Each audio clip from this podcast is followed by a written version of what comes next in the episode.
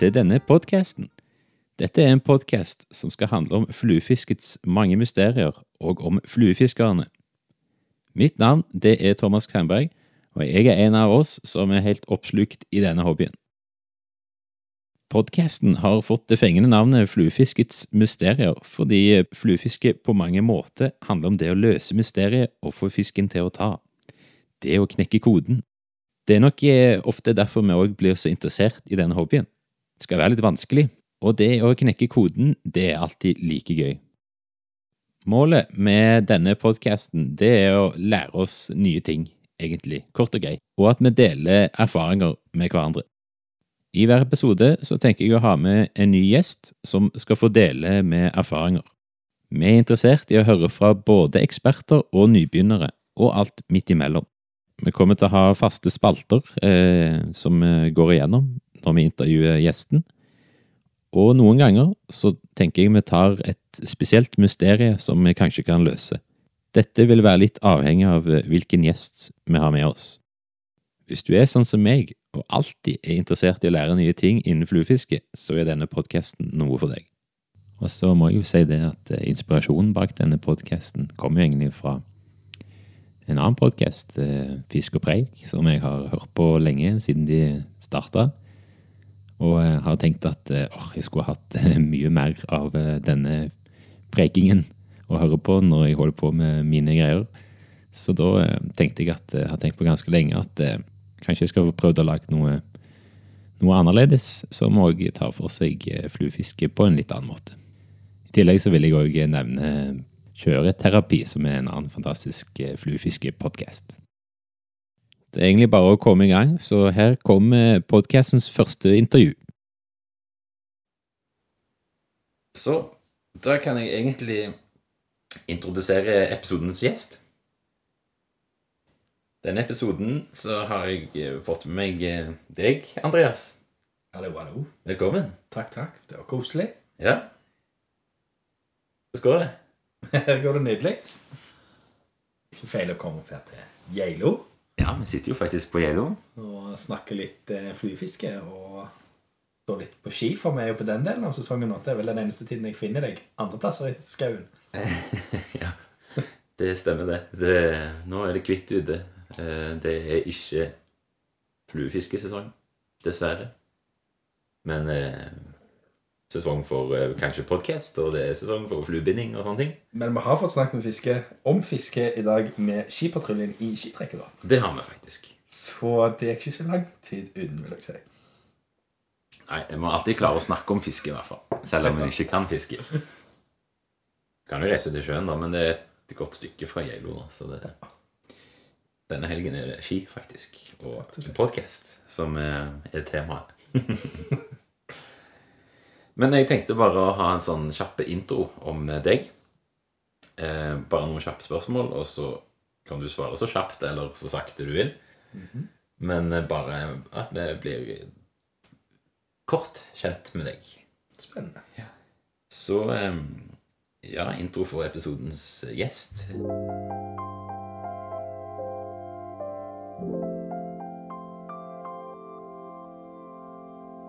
Det var altså Hvem er du? Jeg heter Andreas. Ja, ok. så du kan si så mye lite du bare vil. Eh, vil du eh, gå videre? Jeg kan jo utdype litt, kanskje. Jeg, eh, Ok, jeg Da er kan jo- jeg ta på nytt, da. Jeg er Andreas. Jeg er vel eh, kanskje ikke av kategorien du har her på ekspertfluefiskere. Men kanskje heller eh, hobbyfluefisker som eh, liker en god tørrflue mens jeg sitter i tørr lyng og koser meg i skogen. Eh, Det er vel heller den fluefiskeren jeg er. Ja. Så om jeg får fisk eller ikke, det, det er litt sånn som så. Handler om, meg ute. handler om å være ute for deg, altså. Ja. Nei, men det, Jeg tror det er mange som har det sånn.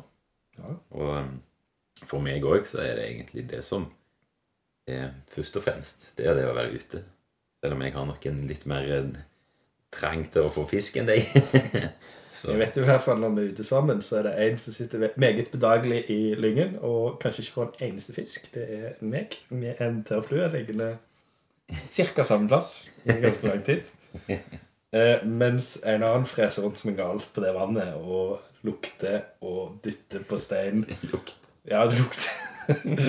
Det er ikke måte på hvor du kryper rundt når vi er og fisker. Det er jo veldig gøy. Da har jeg mye å se på. Ja. Både vann og en Thomas. Det er gøy. ja. Du får litt gratis info fra meg, kanskje? Absolutt. Eh, Litt, jeg blir kanskje vett om hvor jeg kan sitte, da. ja, det kan jeg. Men eh, som jeg har erfart, så eh, sitt, eh, stillesittende fluefisk er kanskje ikke det mest effektive. Men det er koselig. da. Ok. Eh, Neste spørsmål er da Hva er ditt forhold til fluefiske? Ja, det har vi vel gjerne dekka litt der. Men eh, jeg syns det er jo mest, mest av alt bare en måte å være ute i skogen. Ja. Og vidda. Og ha noe å gjøre på. Alltid kjekt å ha et mål med turen. Absolutt. Og hvis det målet er å fiske litt, så er det jo et godt mål. Nå har du en plass å gå, du har noe vann du kan eh, finne fram til. Det er veldig koselig. Hvor fisker du i hverdagen? Vel Ikke så mange plasser nå. Du fisker egentlig ikke så mye i hverdagen. Nei, nå fisker jeg ikke mye i hverdagen. Det er helst i feriene og så på tur. Lengre turer. Så neste spørsmål er da hvor reiser du og fisker? Så det er jo på tur, for så vidt. Det er sant. Da er det jo ofte opp i fjellene. Det er jo fjellene jeg har fiska mest i. Mye langs eh, Vestlandet. I sommer var vi oppe i Opp mot eh, Jotunheimen og inn der. Nesten isfiske i sommerferien i snøværet. Det var jo veldig koselig. huset. Ja. Men det er ikke de letteste plassene å få fisk, da. Nei. Det, Men det var jo ikke det det som var viktigst. Nei. Jeg har vel ikke fått så veldig mye fisk heller på flue. Det må man jo innrømme. Du har fått noen. Jeg har fått to. Men du er egentlig ganske nybegynner da, i, Ja, i selve fluefiskedelen. Absolutt. Eh, men selv om du er nybegynner, har du, har du noe favorittflue? Ja, jeg har jo eh, ofte tenkt på disse døgnfluene. Og det er jo mest fordi at jeg hører alle eh, snakke sånn om at når de klekker, da får du fisk. Ja. Og så tenker jeg hvis jeg den ene dagen er klar med døgnfluen, da, da skal jeg endelig få en litt større fisk. Ikke vulgata. Det er, det er liksom det beste klekket. Ja, det er de største, i hvert fall. Ja, I stille vann. En, en det, det tror jeg jeg hadde likt. Ja. Men ellers er har jeg jo alltid en forkjærlighet for ting som ser litt løye ut når jeg eh, fisker. Litt farger og litt eh, rare koker. Det må det jo være. Da har jeg troen. Ja, da, noe litt sånn attraktor-greier. Jeg har jo ofte tenkt at det er en attraktor jeg vil eh, Noe med litt mye farger og greier. Ja. Spetakkel. absolutt. Det er jo Enten jeg har fluefiske eller slukfiske, så går jeg jo gjerne for det som ser gøyest ut. Men du har ikke noe sånn typisk favoritt eh, favoritt-fluemønster? Eh, Nei, det kan man ikke si. Nei. Men, Men men det har vel ofte vært en mygg jeg har gått for. Så hvis jeg har en hvit dott sånn at jeg ser den på vannet, så syns jeg det òg er praktisk. ja, en sånn typisk Griffiths genett? Ja, Greie. det kan høres bra ut. Eh, Favoritt-byttedyr å imitere? Da var jo du for så vidt inne på døgnfluer, så det er det du liker best å imitere. Ja. Eh, når liker du deg best ute med fluestang? Det er jo sol, fint vær, en god dag å være ute i fjellet. Det er jo alltid det som er best. Jeg er ikke så sykt god å kaste, så at det er litt mindre vind, det gjør ikke så mye, det. Jeg er veldig flink på å fiske bak meg oppi lyngen. Det, det får jeg mye av. Ja, det, Eller oppi trær. Ja. Sånn, spesielt hvis du kommer med en flue du har bundet og, og gitt til meg. Skal jeg kaste? Rett oppi et tre. Det er koselig. Takk for flua, Thomas. ja, ja.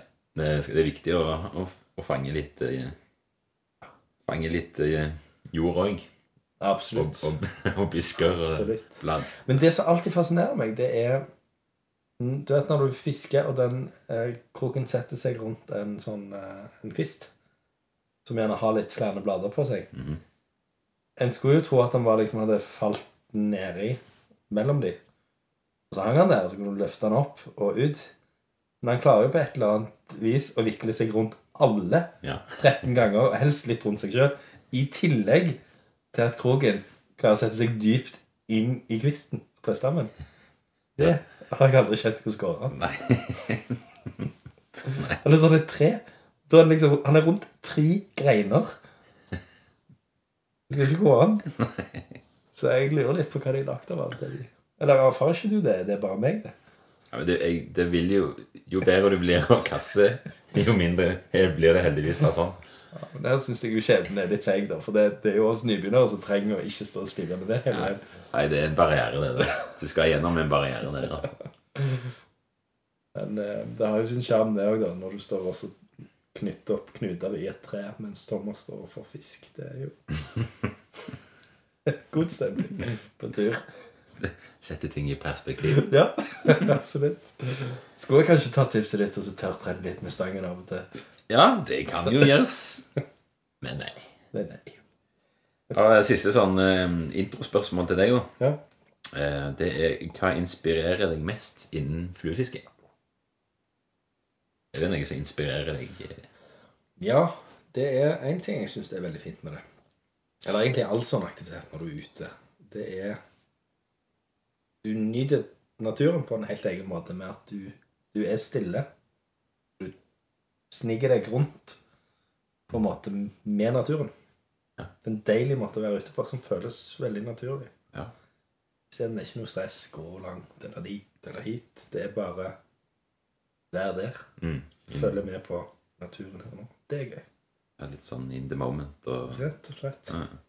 Fordi det er jo noe det òg som jeg tror gjør at folk liker dette her, er jo at eh, du havner jo veldig i nuet. Altså, Mm. du, du tenker ikke på hva du må gjøre på jobb, eller hva du må fikse hjemme, noe sånt. Du er bare ja, er der og skal fange fisk. Så blir det en sånn Det er jo meditasjon lenge før det blir kult, er det ikke sånn? mm. Nei, men bra. Da tenker jeg vi kan gå til første spalte. Det blir jo nesten egentlig andre spalte. Ja. Eh,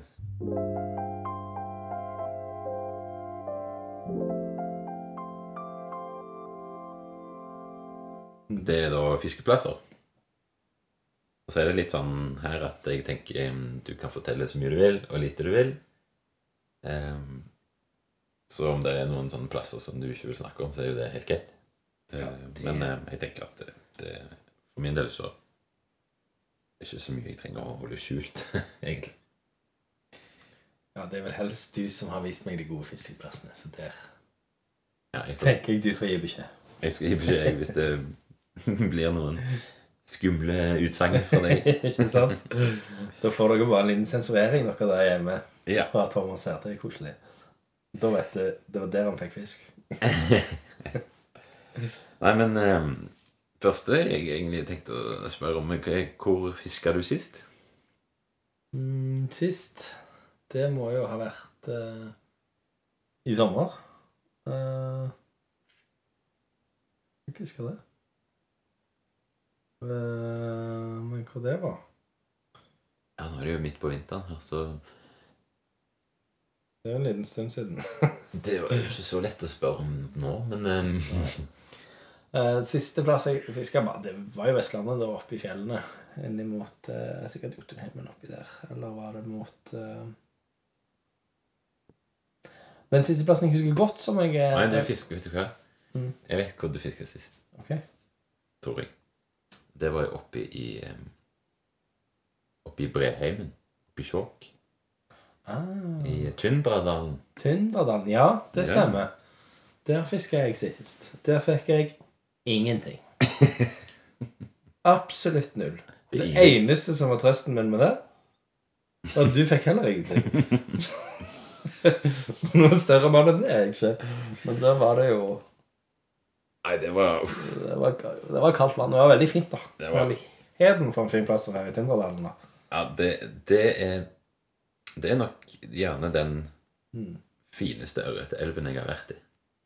Hadde det bare vært ørret der. Hadde det bare vært fisk, så viste det seg Vi vet jo at det var fisk der, men Ja, vi fant den ikke. Men det var, det var altså fire grader i elven. Mm. Eh, snøen hadde så vidt gått vekk. Ja, isbreen lå rett over og smelte ennå, men det var jo sånn asurblått vann. Det var jo kjempefint. I hvert fall når vi kom over det der eh, isbreløpet Ja, som kom ned, så det ikke var så tåkete lenger. Ja. Og så bare sånn fine, hvite sandstander oppover. ja det, var, det var så fint der oppe. Himmelsk plass, altså. Så vi var litt uheldige med været da når vi var der. Så det var ikke bare at det var fire grader i elven, men det var jo regn og vind, og så det var ikke så lett å finne fisk. Og noen kyr som sprang rundt og lagde kyr. Nei, så der, men der, der må vi dra igjen senere en gang. Og jeg tenker å å ha hatt med packraft òg der. Hadde jo vært episk gøy. Ja, det er jo, det er jo sånn eh, Ja, Vi snakket jo litt om det der. Det ser mest ut som sånn New Zealand-elv i Ja. Norge. Det er det mest New Zealand-elven jeg har sett. Ja. Det er veldig kult. Så jeg anbefaler å reise der. altså Tundradalen. Der var det Du må gå i hvert fall en mil, da. Cirka. Og så han der eh, Når du kjører en bomvei opp der, så kommer du til en kar som har Var det kona hans som hadde vært med på der ingen skulle tro at noen kunne bo? Ja. En, eh, en gammel ringrev som har bodd der i mange år. Han eh, kjente selvfølgelig vann og alt. Hadde fått mye fisk oppi der. ja. Nei, det skal jo være en Mm. Men vi var altfor tidlige. Dessverre. Pga. sommeren i år. Det var jo så sein, så Oppe i fjellet. Mm. Så her på Geilo var det jo snø ute i juni. Og Og jeg skulle jo opp i Aurlandsfjellet og sånne ting. Der var det jo ikke snøfritt eh, før ut i august. Men da var det fortsatt mange vann som hadde is. Så det var jo helt håpløst i sommer. Ja, vi sleit litt. Det reduserte jo høydemeteren mange plasser plass vi skulle på tur i. Men det var vel i Jo, det var i Tunderdalen vi dunkta av post på teltet på morgenen. Ja. Og det var vel Hva kan det 4. juli? Ja. Juni. Nei, juli. Juli, ja. Det var nok blitt juli når vi kom. det Det var det nok. Nei, men så um... Det var en kul, det var en kul plass, det, men det er jo igjen, da. Kanskje Det var ikke så mye fisk å skrive hjem om, men Nei. igjen fiskeopplevelsen var jo kjempegod. Ja, det var Det det. en fin Jeg tipper hvis du treffer der, så har du en god tur. altså. Det... Ja, Vi så jo noen andre fiskere også som stengte seg opp og rundt. Ja, men ikke helt der oppe. Nei, Så hvis du går helt inn der, altså der eh, Men nær forbi var det jo flott. Det var sånn kulp, sånn perler oppover. Ja, ja, ja. Ja, fantastisk fint. En gøy han skikkelig Foten av en isbre helt tydelig med all den sanden. Mm. Veldig tøff geologi. Mm. Fin plass. Fin gåtur og enormt, enormt fin dal. Veldig sånn bred og fin. Det er jo fint. Altså, ikke så bratt. Det er litt digg, det òg, av og til. Altså, Ja. Vi kommer jo fra Vestlandet begge to. Så vi vi har vært på noen turer der vi har klatra rett opp i steinrøys, for å si det sånn. Ja. Hvis du skal på tur der, fjelltur der, så går du alltid rett opp eller rett ned. Ja. Det kan du jo kjenne litt i beina, i hvert fall når du ikke, sånn som meg, går tur hver dag i uken. Kan jeg kjenne det med sekken. Men uh, Tunderdalen var jo sånn flatt og slaget innover. Ja. Sånn er det jo her på ja, Hardangervidda og sånn òg. Noe deilig med det er jo at det ikke er rett opp og rett ned. Det er at det er litt mer vidde. Ikke sant? Men det andre ting som er gøy med Ryfylke, er jo litt Vi har jo vært ute og fiska på noen øyer rundt i Ryfylke òg. Der har jeg jo gode minner. Ja. Så um, Hvordan velger du fiskeplass? Da følger jeg de gamle fjellvettreglene. Lytt til erfarent fjellfolk. Du, du eh, går etter tips. Ja, jeg går veldig etter tips. Jeg eh, er ikke så fæl på å søke sege rundt sjøl og springe rundt. Jeg er jo mer at jeg, eh, jeg går der Jeg har en tur, en pass jeg vil gå, og så Så fisker du der. fisker jeg der. Ja. Mm. Og så av og til så er jeg med, med noen som gjerne vil fiske en spesiell plass, og da går vi der til. Så er jo det også en fin tur. Mm. Litt gjør det beste ut av det du, det du har, da. Ja. ja, men det er sånn. Det er jo I hvert fall på alle disse turene vi har vært på sammen, så Mm.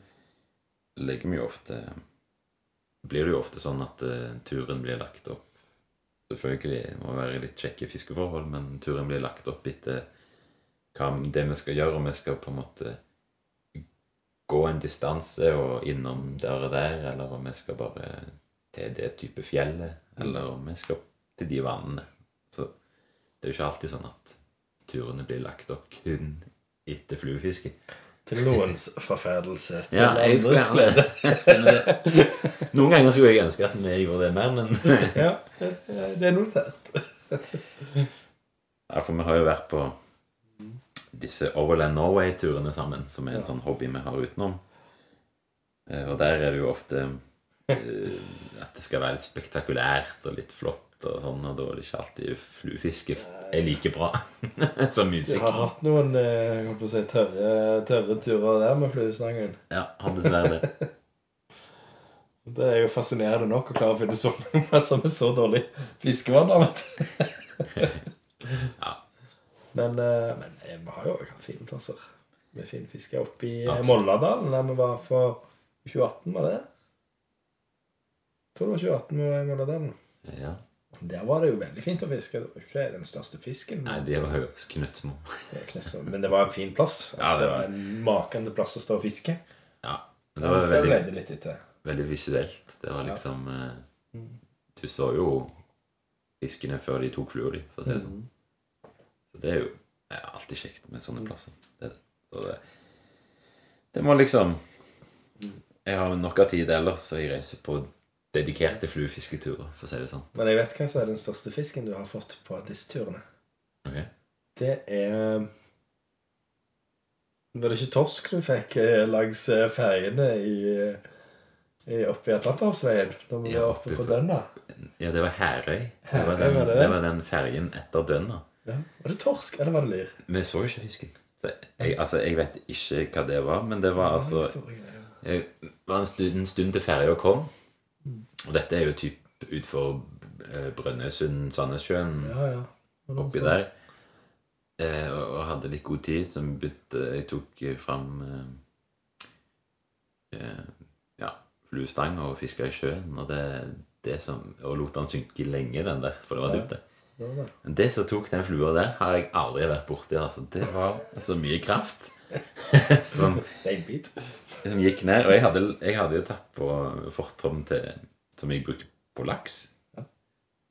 Eh, og ikke, det kan godt vært noe svakhet i den fortommen der, men altså, det, det var heftige greier som røyker det. Så det var litt synd. Det har vi på film òg.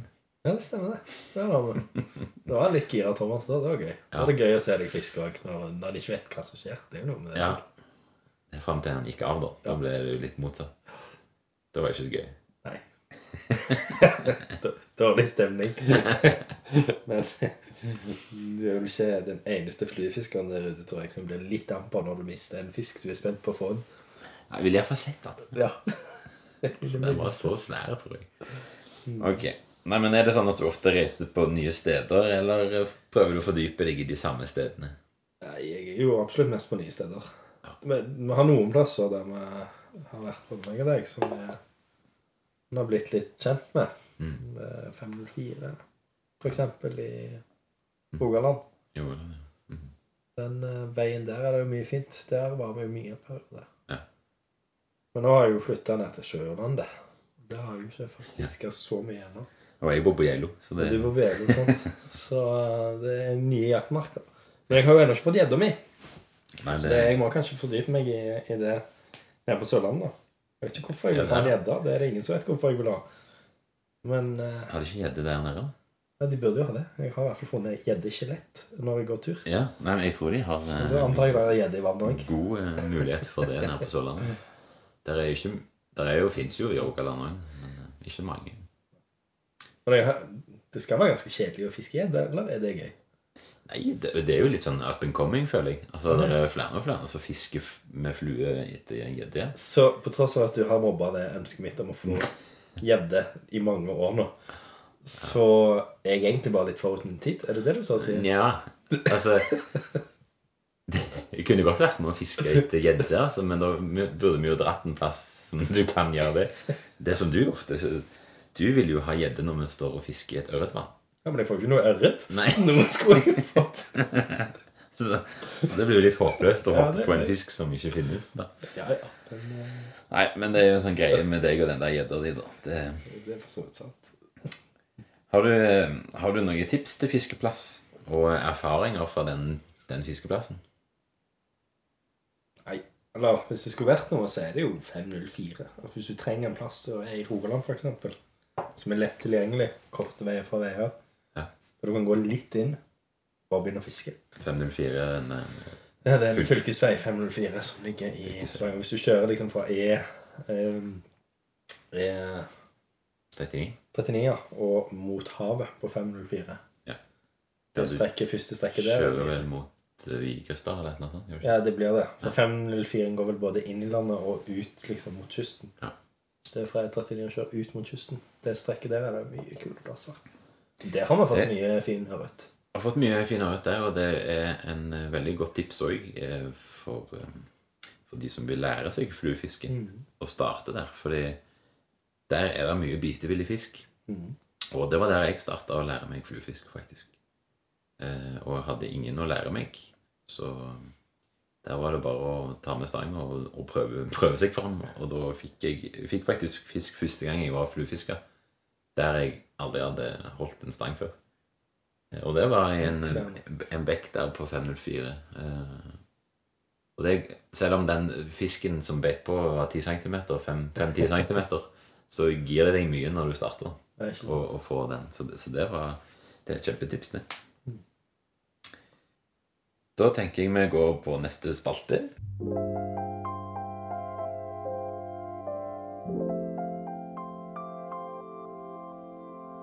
Som er fiskeerfaringer.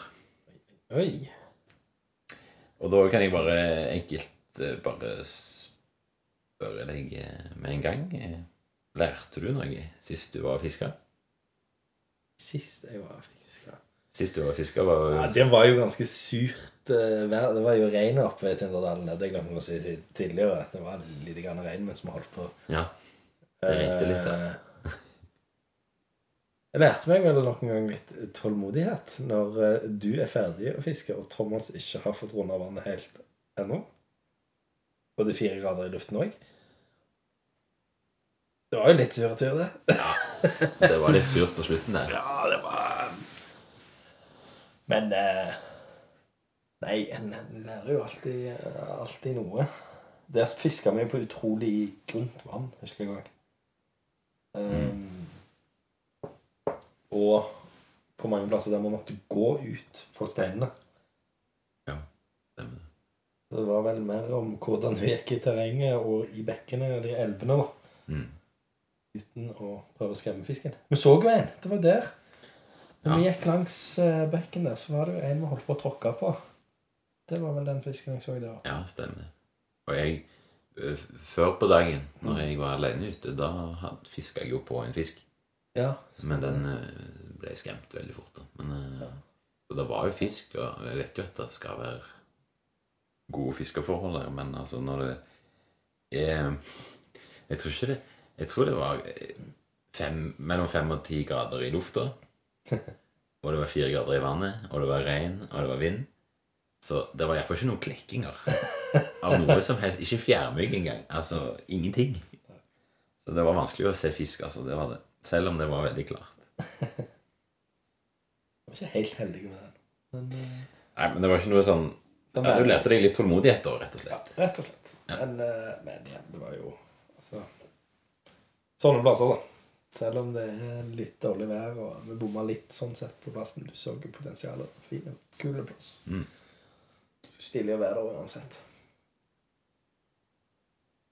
Eh, er det noe sånn Hva er det viktigste du føler du har lært i fluefiske? Har, har du noen sånne aha-øyeblikk? Sånn at du Ja, det er jo ofte du maser på meg med at jeg må lære meg å legge det fortommen litt finere. Ikke, ikke en klump på tuppen der. Det er jo jeg veldig flink til. Det har jeg perfeksjonert. Hvordan får alt til å lande på én plass. Ja. Eh, men de få gangene jeg har fått noe fisk, har det jo vært når han faktisk folder seg ut. Ja. For jeg skal ikke gå der uh, at, og si at jeg har lært å høre på Thomas. Det har jeg ikke helt ennå. Men at han har rett av og til, det har han. Ja. Å få lagt ut det snøret litt fint, så du ikke skremmer fisken Ja. på første kast, det, det har noe å si. Nei, for det er jo litt sånn vi har snakket om, er jo at uh, en, må, en må prøve sånn, sånn fra slukfiske så er det i hvert fall veldig mange som har det sånn at du må kaste lengst mulig og dekke mest mulig for å få fisk. Eh, og sånn er det jo i fluefiske òg. Eh, men, men der er det jo I hvert fall når du begynner å bli litt erfaren, så vet du at fisken trenger jo ikke å være langt vekke. Og det er jo mye viktigere å få et kort kast som er en god presentasjon på, da. Istedenfor å måtte skal, skal, absolutt skal kaste langt, og da ende opp med å bli et dårlig kast. Eh, Så det er gjerne det du har kanskje erfart litt. Når du... Det er nok absolutt en av de. Ja. Det, er, og det, og det merker jeg òg når jeg går og ser på naturen og vanner den òg. Etter, etter men fluefiskingen istedenfor sluttfiske. Ja. Hvor mye mer jeg forstår om hvor fisken er, hvor den ligger. Ja. Det begynner jeg å klare å se sånn ah, Hvis jeg var en fisk under den kvisten der, der skulle jeg bodd. Ja. ja, men det er jo faktisk det er jo sånn. Så er det et lite avvik der da, fra å klare å kaste med en fluestang inn. Men det, Det er jo mer enn det er jo det som gjør det litt gøy. Ja, absolutt. Nei, men Det er veldig godt eh, poeng det du er inne på der òg, å på en måte prøve å Prøve å ta på deg hva skal jeg si, de, de brillene som ser igjennom vannet, da, for å si det sånn. Og prøve å se eh, Eller iallfall prøve å innbille deg hvordan det ser ut under vannflaten. Hvor vil fisken oppholde seg? Det tenker jeg jo går utover fluefisken òg. Det gjør det jo kjekkere å gå i naturen generelt. Ja. Både med og uten fluestang. Absolutt. Du ser mer av naturen, da, for du skjønner mer hvordan Mm, ting lever både over og under vannet. på en måte. absolutt. Det, det var det kjekt å være ute. Sånn du ser en steinrøys eller noe sånt, så fortsetter den ofte ute i vannet. Sant? Så da, hvis det er fisk der, så er de kanskje litt dypere, og de holder seg kanskje skjulesteder imellom de steinene. da. Mm. Kontra en strand som en vet går jo ganske langstrakt, langstrakt ut. Og en ting jeg alltid tror jeg har lært, men aldri lærer, det er at uh, de boblene som jeg tror er bak, er bobler. Ja. Stemmer. Det skal være helt umulig å se forskjellen på For det, den tolvte gangen den boblen bobler på samme plassen, kanskje. ja, for det er jo sånn at mange vann har jo luft og sånn. eh, Jeg kan ikke helt biologien der, men, men eh, de har jo det, det er jo luft eller gasser, jeg vet ikke, Metan, uh, myr. Ja. Ja, men så brytes ned eller noe sånt. vet du. som, som da kommer opp i overflaten og lager et veldig forsiktig vak, som mange som ikke kan så godt om fisk, mistolker det til faktisk å være vag. Jeg har fiska på noen nydelige bobler i mitt liv, kan jeg si. Så det, De veit ikke. Nei, det er ikke alt som eh, lager ringer på et vann, som faktisk er en fisk som har laget. Nei, Det er det ikke. det er det ikke. Da tenker jeg at vi går videre til neste spalte.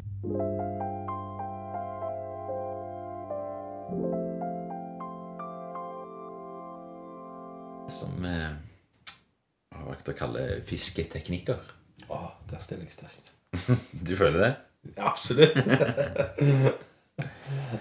jeg har jo snakket om det litt tidligere, hvor god jeg er til å vikle scenen inn i busker, eksempel. Ja. Det er jo en teknikk, det. Det er en teknikk. Nei, men eh, Hvordan går du fram når du kommer til vannet eller elva? Eller først og fremst kan vi jo spørre Fisker du mest i elv eller vann? Eh, vann. Men det Jeg vet ikke helt hvorfor, for jeg syns det er mye mer spennende med elv, egentlig. Du gjør det, ja? Ja, egentlig. ja. Men, eh, men det blir jo ofte vann, da. Ja. Fordi jeg fisker jo ofte en plass jeg har lyst til å henge litt. Mm. Og der ender en jo ofte opp rundt et vann. Mm. Men, eh, Ja, og så er det litt sånn Iallfall der vi er fra, så men det monsteret jeg har fått, er jo faktisk fra en elv. Det stemmer. Eh, Det monsteret det er kanskje noen som tenker det er ganske stort. Ja. Det, men det er vel heller at det var den første fisken jeg fikk. Den første dagen jeg fikk fisk på fluestang. Ja, stemmer. Det var vel en elv i Sirdal. Der ingen fisk er mer enn maks 15 cm. Maks. Ja. Og der fikk du en fin. Han monsteret. Den hadde du plass til i håndflaten din. Ja, han faste sånn på tvers av hånden og, og hadde litt romslig plass. uh, og jeg er jo fascinert hvordan han klarte å spise fluen i det hele tatt. Den fluen var jo nesten ikke stor sånn. Det er god start, det. da. Altså, Det kan jo bare gå oppover. Absolutt. Uh, absolutt. Men det som er veldig greit, er at en ting er at jeg klarte jo faktisk å få den til å henge fast, men når den hang, da, så slapp jeg det der stresset du holder på med med hoven. Jeg kunne bare dipp, nappa det, Ja. og så fløy han opp av vannet. Det er jo veldig greit. Flygefisk, det ligger godt. Ok. Hovearbeidet, det, det virker litt stress av det. Derfor anbefaler jeg helst å få liten fisk, så slipper du å ta fram hoven. Da vil bare fisken gå gjennom hoven. Nettopp. Ja. Så du kan ikke bruke hoven likevel. Du er ikke, du er ikke sånn som glemmer hoven med vilje, for da får du fisk? Nei, men jeg har jo vært med deg med på fisketur der du glemmer hovna for fisk. Ja. Og der jeg må sitte og flette greiner mens du står med en eller annen ørret som selvfølgelig absolutt er den største du noensinne har hatt, uh, ute i vannet der. Så den må du bare få opptrykt. Og så må jeg legge fra alt jeg har, og så må jeg springe bort til et eller annet tre, flette en eller annen hov, som by the way aldri har funka. Det har han faktisk ikke. Vi har gjort mange forsøk på det, Ja, men de funker aldri. Nei. Det jeg vet ikke, jeg. Nei, det, Enten må vi bli bedre på å flette hår, eller så tror jeg bare vi må huske den håpen. ja, men det er jo litt sånn der, Det er jo litt humor, dette her, da, men, men det er jo det, er jo du som alltid får oppgaver og å fikse ting. I, å lage ting, for du er jo veldig sånn, sånn Du er vår opp, oppfinner i gjengen. Eh, sånn at det blir du som må gjøre det. Det. Og så er jo den kaosfasen når du har på gjerne en eh, Hvis jeg har på da en stor ørret, så, så blir det litt sånn kaos. Og da Og merk Hvis jeg alltid hoven. den største ørreten han noensinne har hatt. Så den må vi bare få inn. Jeg vet ikke hvordan, hvordan det går an, men det er på magisk vis. Ja, nei. Du har ikke sett Monsen gjøre dette her. Han flipper det jo bare opp. Han tenker ikke så mye på det der. Ja, men han har jo sånn tre kroker og Ja, ja, ja. Det, det, det, Bli mer som Monsen. Det må du være Jeg Nei, men, han eh, kan lage jeg. Men ja, sånn egentlig jeg var inne på da så Hvordan går du, går du fram nå når du kommer til vannet? Hva, er- hva er liksom Mm. det første Hvis du ser for deg nå at du kommer til et vann, hva er det det første du gjør? Um, jeg går jo alltid med en knalloransje jakke i fjellet. Så den har jeg lært meg å ta av meg. Hvis jeg Ja. skal faktisk snike meg inn på vannet. Smart. smart. Ja. Mm. Veldig bra du sier det, for det var ditt tips. Så det er veldig påfallende hvis du sa noe annet. Ja. Men så er det jo eh, Har jeg òg lært meg at jeg må, eh, må krype meg litt fram til vannet og så prøve å ta det første kastet litt ifra. Ja. Eh, Så finner jeg, eh, finner jeg gjerne den lille odden eller plassen, gjerne en liten krok, Mhm. Der jeg har eh, eh, mest tro. Litt fra land, og så prøver jeg å kaste ut den første. Så er det jo 60% sjanse for at den hekter seg i lunder rett på vannkanten istedenfor land der jeg skal. Men det er jo det som gjør det litt mer spennende, da. Ja. ja, men Det er et godt poeng da, at du begynner litt eh, langt opp på land. da For å ikke skremme den fisken som eventuelt står med kanten. Står Ja. Ja. Men jeg har jo lært det at jeg må, jeg må ha en liten avveining der, for jeg må faktisk være så nærme at jeg klarer å treffe Ja. vannet òg. ja. ja, Men det er jo en treningssak, da. Men det er, vel- det er i hvert fall en god start. da. Og så er det noe mer Hvordan videre går du da, Etter det så vil du bevege deg fram, da, og så Ja, typisk når jeg fisker, så er det jo Jeg syns det er gøyest å være med vannet. Så jeg eh, syns alltid det er spennende med den første. Og så fisker jeg ofte i en liten vifte ut derfra. Ja. Eh, sånn at jeg har liksom fiska ut for meg, og jeg er sikker på at det ikke er noe fisk. Da legger jeg ut tørrfisklua. Setter meg ned. Da, da tar du på tørrflua og legger den da legger jeg den rett ut på der, og så kan jeg sitte i solsiden og kose meg. Og så har jeg det egentlig som egget. Du må finne ut at det ikke er noen fisk først, for det er livsfarlig. Ja, fordi når du har funnet ut at det ikke er fisk der, så, kan, så, kan jo, så er det logisk for deg at da går det ikke lang tid før det kommer fisk der. Og da, vel og da, da kan jeg slappe av i fred. Ja, ok. Så du ikke har fisk? Ikke alltid. Det er litt spennende i minnet, men ikke alltid jeg trenger en fisk for å kose meg med fluefiske. Men noen ganger, og kanskje, kanskje faktisk de største Altså Hvis du gjør et, liksom et skikkelig Et bra kast der, da, og setter deg ned og tar deg skikkelig god tid, så, så vil det jo etter hvert I Jo. mine Altså Erfaringsmessig så vil det jo etter hvert komme fisk forbi. Ja. Eh, og det er jo ingenting som er bedre enn å ha kasta 20 minutter før den fisken kommer. Den, så, så det er jo ikke, det er jo ikke bare dumt. Akkurat det jeg alltid har tenkt på. Ja. Men det er apropos et skikkelig bra kast, som du sier, det òg kan plage meg litt hvis jeg er i det humøret. da. At jeg bare egentlig vil sitte med tørrflue ute. For hvis du da er så uheldig at du faktisk legger flue skikkelig bra, så kommer du typisk med en gang. ja, ok. Du får liksom ikke satt deg ned engang før du skal begynne å fiske den fisken. Nei. Nei, det, er litt tungt, altså. det, litt, det er litt slitsomt, ja. Hva ser du etter når du er med, med, med vannet?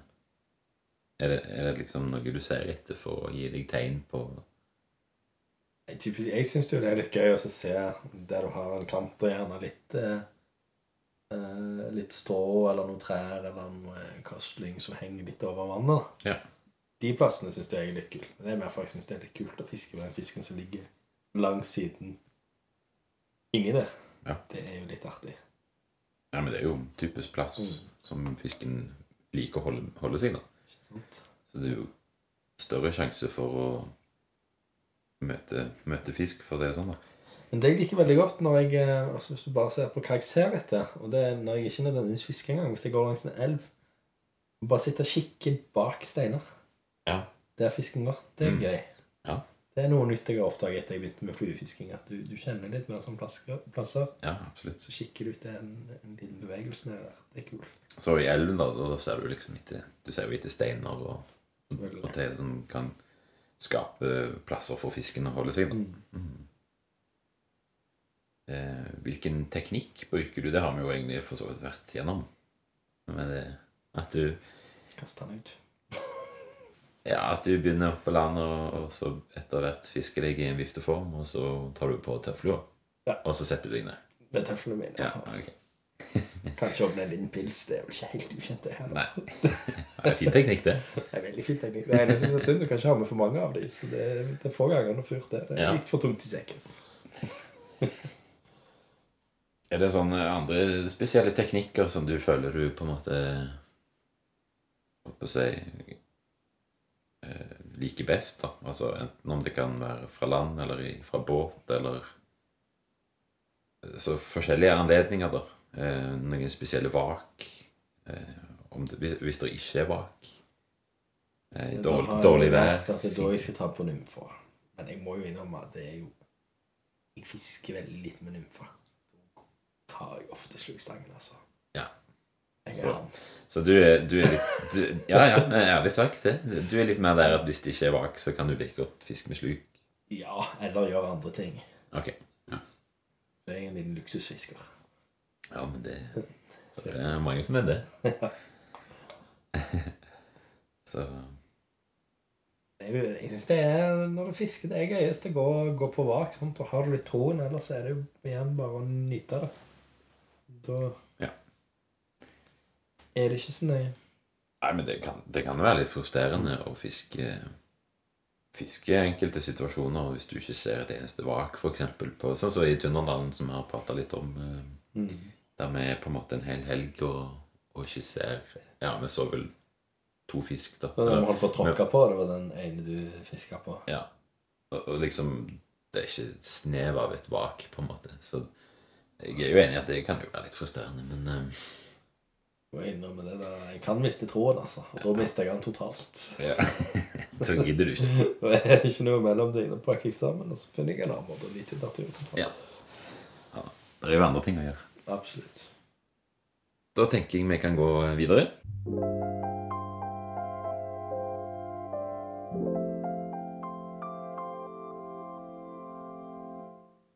Eh, Neste spalte heter da Ved bindestikka. Det er jo da altså spalten som eh, Som egentlig går på fluebinding, som det kanskje kan høres ut.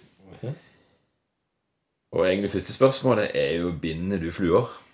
Altså, nei, jeg gjør jo ikke det. Men jeg har, har bundet to eller tre fluer. To, tror jeg. Så du Eh, og da har vel den ene vært mer frustrert enn den andre. og den ene var deg. og jeg var bare litt frustrert. Ja, så, så det det var jo vel rett etter du hadde lært å binde selv. Ja, det var ikke lenge etter, nei. Nei, det var ganske tidlig. Du var tidlig, men du, du var jo allerede blitt eh, relativt god altså, på, på å lage de. Og Da hadde du meg på en liten eh, Jeg lagde vel en slags liten makk. Men jeg fikk eh, En. Jeg vet ikke jeg, Larve, da. Nei, du- det var en grønn mener- slags larve.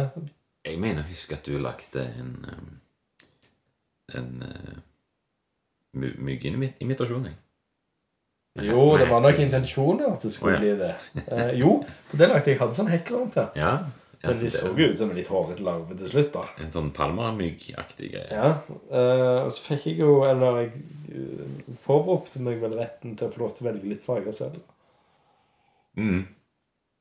Det Så stemmer. jeg klarte det ble en litt annen annen fargeprofil enn du kanskje originalt hadde tiltenkt. Eh, Ja. Men Nei, men det det, ble litt av en kreasjon. Den har jeg ikke fått noe fisk på. har du, har du fiska med ja, har jeg ikke det? den? Det vet jeg ikke. Men han skulle jo flyte, men han sank som en stein. Så det var derfor jeg kalte det den makkelymfe. Den, den skulle flyte, men den sank som en stein. Ja. Ja, det er fint. Så har vi fluebindingen på sin plass. Absolutt. Alt skal læres. Og den, eh, den nummer to var vel ikke så mye bedre enn nummer én, så Men eh, det vi kunne jo sett om vi kunne fått en gang eh, når, eh, når du kommer opp her, og vi har fått en ny runde, for nå har jeg jo to, to bindestikker. Ikke sant? Så da har du noe å holde på med, eh, å ta ut frustrasjonen på, mens jeg sitter der og gjør mitt beste på den ene. Ja. Det er klart. Men det er jo uh... Hvis du kommer på sommeren, da, så kan vi jo binde noen fluer, så kan du få lov til å teste de med en gang. Ja, det er sant. Det er kanskje Det er litt mer givende. Ja, ja. Da blir det noe tivoli. Du lager noe streamergreier heller. Noe småfisk, så imitasjon. Ja, for det sier jeg, de du har bonde nå. De begynner jo å se ganske flotte ut. Men eh, syns du de litt store fiskeimitasjonene, Ja, de er de kuleste. de, du liker de beste. Ja, ja, de ser stilige ut. Ja. Men de er jo ganske mye større enn de fiskene jeg får, så Kanskje ikke mye større. Det. Nei, kanskje ikke. Men de, de største du har, er jo faktisk på størrelse med monstre, da. Ja, det var Jeg vet ikke, Den, eh, siste du har nå, det er noe Hva er det for noe? Det er en eh, hav Det er en sånn eh, baitfish, eh, men det er jo til sjø, da. Sjøretten. Havabbor. Men den tenker jeg er cirka like stor som det monsteret som jeg fikk første gang på Ja, det er din, ja, stemmer. Nei, det faktisk det heter EP Baitfish. Det er en sånn eh, Enrico Puglisi, en italiener, sin, eh, Sin flue. sin flue. Så Den er giftig. Ja, ja, jeg tenkte jeg skulle prøve den i sjøørretboksen nå til våren. Ja, får du mye sjøørret her oppe? Her oppe får jeg ingen sjøørret. Men hvor tror du går og skifter fiske når du er fra Eila? Ja, nei, altså Etter jeg flytta her til, da, så må jeg jo finne nye områder å fiske i sjøen òg på. Det er jo klart at det er jo litt lenger til sjøen eh, enn jeg var vant til. Men det er jo mye nærmere veldig mye mer elver og vann, da. Så jeg fisker jo Jeg, jeg, jo, jeg fisker jo mest ørret. Det gjør jeg. Eh, og så har jeg noen turer etter sjøørret. Og så har jeg som regel én tur etter laks. Men hvor mange laks har du fått? Aldri fått laks. Men uansett uh, du, eh, hvis jeg ikke husker feil, så gjør du denne turen med din far. Hvor mange laks har han fått? Han, eh, han har Nei, han har bare fått én. Ja, men det Men eh, ja, det er fortsatt mer enn meg. Nei, men utenom det, tilbake til sjøørreten. Ja, ja du vil vekk fra det, ja. Ja. Nei, så har jeg jo Jeg begynte faktisk nå i høst, for jeg har jo, det er jo ikke lenge siden jeg flytta her. til. Eh, Jeg begynte nå i høst med å begynne å utforske Ørland. da. Ørlandselva Ørlands elva er jo en veldig kjent sjøørretelv. Mhm. Eh, har ikke fiska i den, men jeg har begynt å utforske nå eh, ja, sjøen rundt, da. Altså Ørlandsfjorden. Ja. Eh, og jeg tror jeg, jeg var nok litt sein nå i høst, da, med å begynne den, det søket etter sjøørreten, da. Men jeg, jeg så én fisk. Men jeg, jeg har ikke fått noe. Jeg har, bare, jeg har vært der to ganger, da. Så det er jo en, en stund å kjøre. Men eh, Er det nært der med telta i sommer, da? Eller ja, det er jo der vi kjørte når du kom ned til? Rett nedfor Lærdalstunnelen? eh. Ja, nedfor eh, Hvis du ikke kjører inn i Lærdalstunnelen, så kjører du ned til Ørland. Ja. Så eh, nede i sjøen der, da. er jo fantastisk plass å fiske i den fjorden der. Og jeg, jeg har funnet noen fine plasser, skjønner du. Det er bare Fisken har ikke vært der. Men jeg er helt Thomas ligger der, så seg det i hvert fall. Det er kanskje det viktigste. Det var meg og en sel som har vært der. Ja, ja. Jeg har blitt kjent med en sjel. jeg kanskje hvorfor ørene ørreten heller ikke ville være der. Jeg tror ikke de er så glad i sel. Nei, men de fleste er nå Men jeg, altså de Sjøørreten er jo oppe i elva nå. Eller ikke alt, da. Men uh, enten så er de lenger ute, tror jeg. Eller så Så er de oppe i elven. Men, men de drar jo ut igjen i mars-april. Og da tenker jeg å sette inn støtet. Altså, for det, det som er fint her, her da, er jo at ørretsesongen er jo ganske kort, eller slutt, slutter tidlig på høsten, og så, og så begynner han seint på, på våren, da. Sommeren. Begynner jo ikke å få fiska ordentlig her før i, helt i slutten av mai-juni. Får både masse fluer, da. Så, ja, det får du. Men heldigvis så kan du reise til Ørland eller til Hardanger og så fiske sjøørret.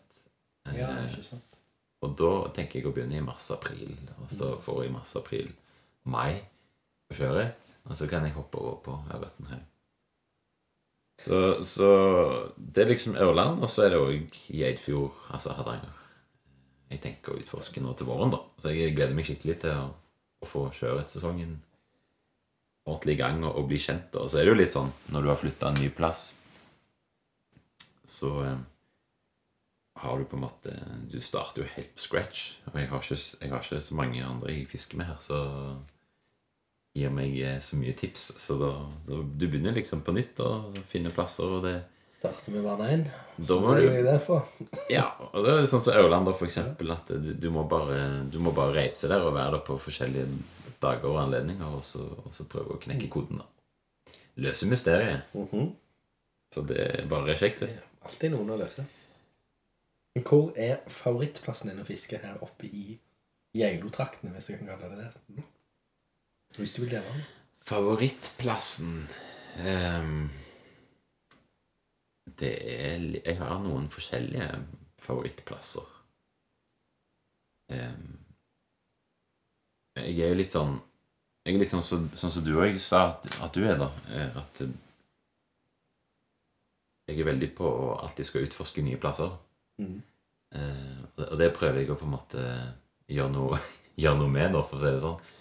Jeg, jeg prøver å heller dra også tilbake til mange av de samme plassene som jeg har funnet, da, for å på en måte bli litt mer ekspert på de plassene, da.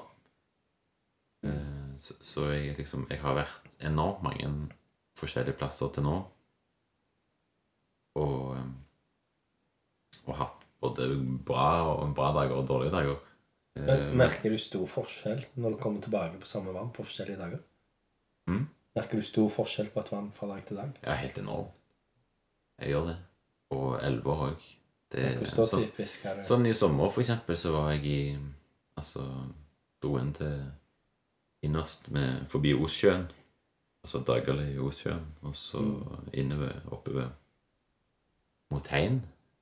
Fiska i elva der. Og, og det liksom Jeg hadde Bare på et par timer så hadde jeg elleve ørret, og den største var på en måte oppe i 800 gram, og det var jo en fantastisk dag. Ja. Helt konge. Eh, og eh, jeg, jeg brukte egentlig litt mer tid på å tørke flua og impregnere den på nytt med ja, pulver og liksom begynne å fiske på ny, da, enn det tok å få fisk, for jeg fikk nesten fisk på hvert kast, og det var jo helt Det var helt Det var konge. På, lite, på samme plass, til og med. Jeg måtte ikke flytte meg noe særlig heller. Så um, du har sånne dager, og så var jeg der en dag en annen dag. På samme plass. Ja. Eh, litt dårlig vær. Jeg brukte samme flue. Ja. Eh, det var vårflue. Tørrflue. Mm. Alle de elleve var på samme eh, vårflue, tørrflue. Eh, så ikke en fisk. Ja. Det er ganske eh, spesielt, altså, Det er det. å tenke på. Hvor mye det liksom har å si. Hva på en måte fisken eh, Hvor han er og, og hva han holder på med. Mm. Men sånn, sånn føler jeg det overalt. Og det er liksom veldig utsatt her som vi bor da på, på fjellet, er jo at du er jo mer utsatt for sånn klima og vær og sånne ting enn en andre plasser. da. I en lavere liggende skogsvann så vil det være på en måte litt mer jevnt og forutsigbart. Det, det som jeg syns er minst forutsigbart, er jo jo høyere vannet ligger over havet. Ja. Eh, Så det er jo litt vanskelig Det kan være vanskelige dager her oppe å finne fisken, det syns jeg. Eh, Men eh, det gjør meg nesten bare mer interessert. Men jeg har fått meg noen favorittplasser. Altså, du har jo Holselva, som er Som jeg eh, har tenkt å utforske mer. Eh, Og så har du på en måte Ja, en kompis som jeg har blitt kjent med her oppe, har jo et vann eh, i i høvet som, eh, som er veldig spennende Mm. og som jeg har tenkt å bli mer kjent med. Og jeg gikk der i høst, og jeg plutselig på vadebuksen at det var bare marflo på hele buksen. Ja. Det var så mye marflo at det var bare Altså, oss ulærte her, da. En maflo er en Maflo er val, eller? små krepsdyr. Ah, ja. Små krepsdyr. Jeg tror det var ei flue. Så, så det, og jeg vet at der kan det gå mye fin fisk, så det er jo sykt spennende å fiske på grunnområdene med sånn marflo-imitasjoner. Det Men er det hvis det er en million maflo, er det bra å være en maflo-imitasjon? Eller vil du på en måte være den noe som smaker ekstra godt? Ja, altså sånn på høsten da Ja. Da kan faktisk fisken gå veldig inn på det eh, og være veldig selektiv da. Ja, det, Da er det som regel i hvert fall i fjellvann som har marflo Så går de veldig over på dieten marflo. Og da er det ofte mye av de eh, Da vil jeg gjerne fiske med I hvert fall marflo, en marflo-imitasjon. Og så vil jeg kanskje ha noe helt annet også Jeg tenkte jo Hvis det var mye reker, så ville jeg vært hummeren. Ja, Den må jo være mye bedre for de som ligger sånn. Men, men det som er ørreten kan jo bli veldig sånn selektiv på, på hva han spiser, sånn at kanskje han ikke vil ha noe annet. da. Eller så kan det være at noe annet er den som gjør at han, at han tar så du, Det vet du jo aldri, men, eh, men eh, derfor ville jeg kanskje valgt å ha en Marflo-imitasjon sammen med en streamer, for eksempel. Kanskje en streamer som jager den Marflo-imitasjonen, så blir det litt sånn konkurranse. to på samme? Ja. Det jo blitt helsike å fiske med en gang. Med en krok.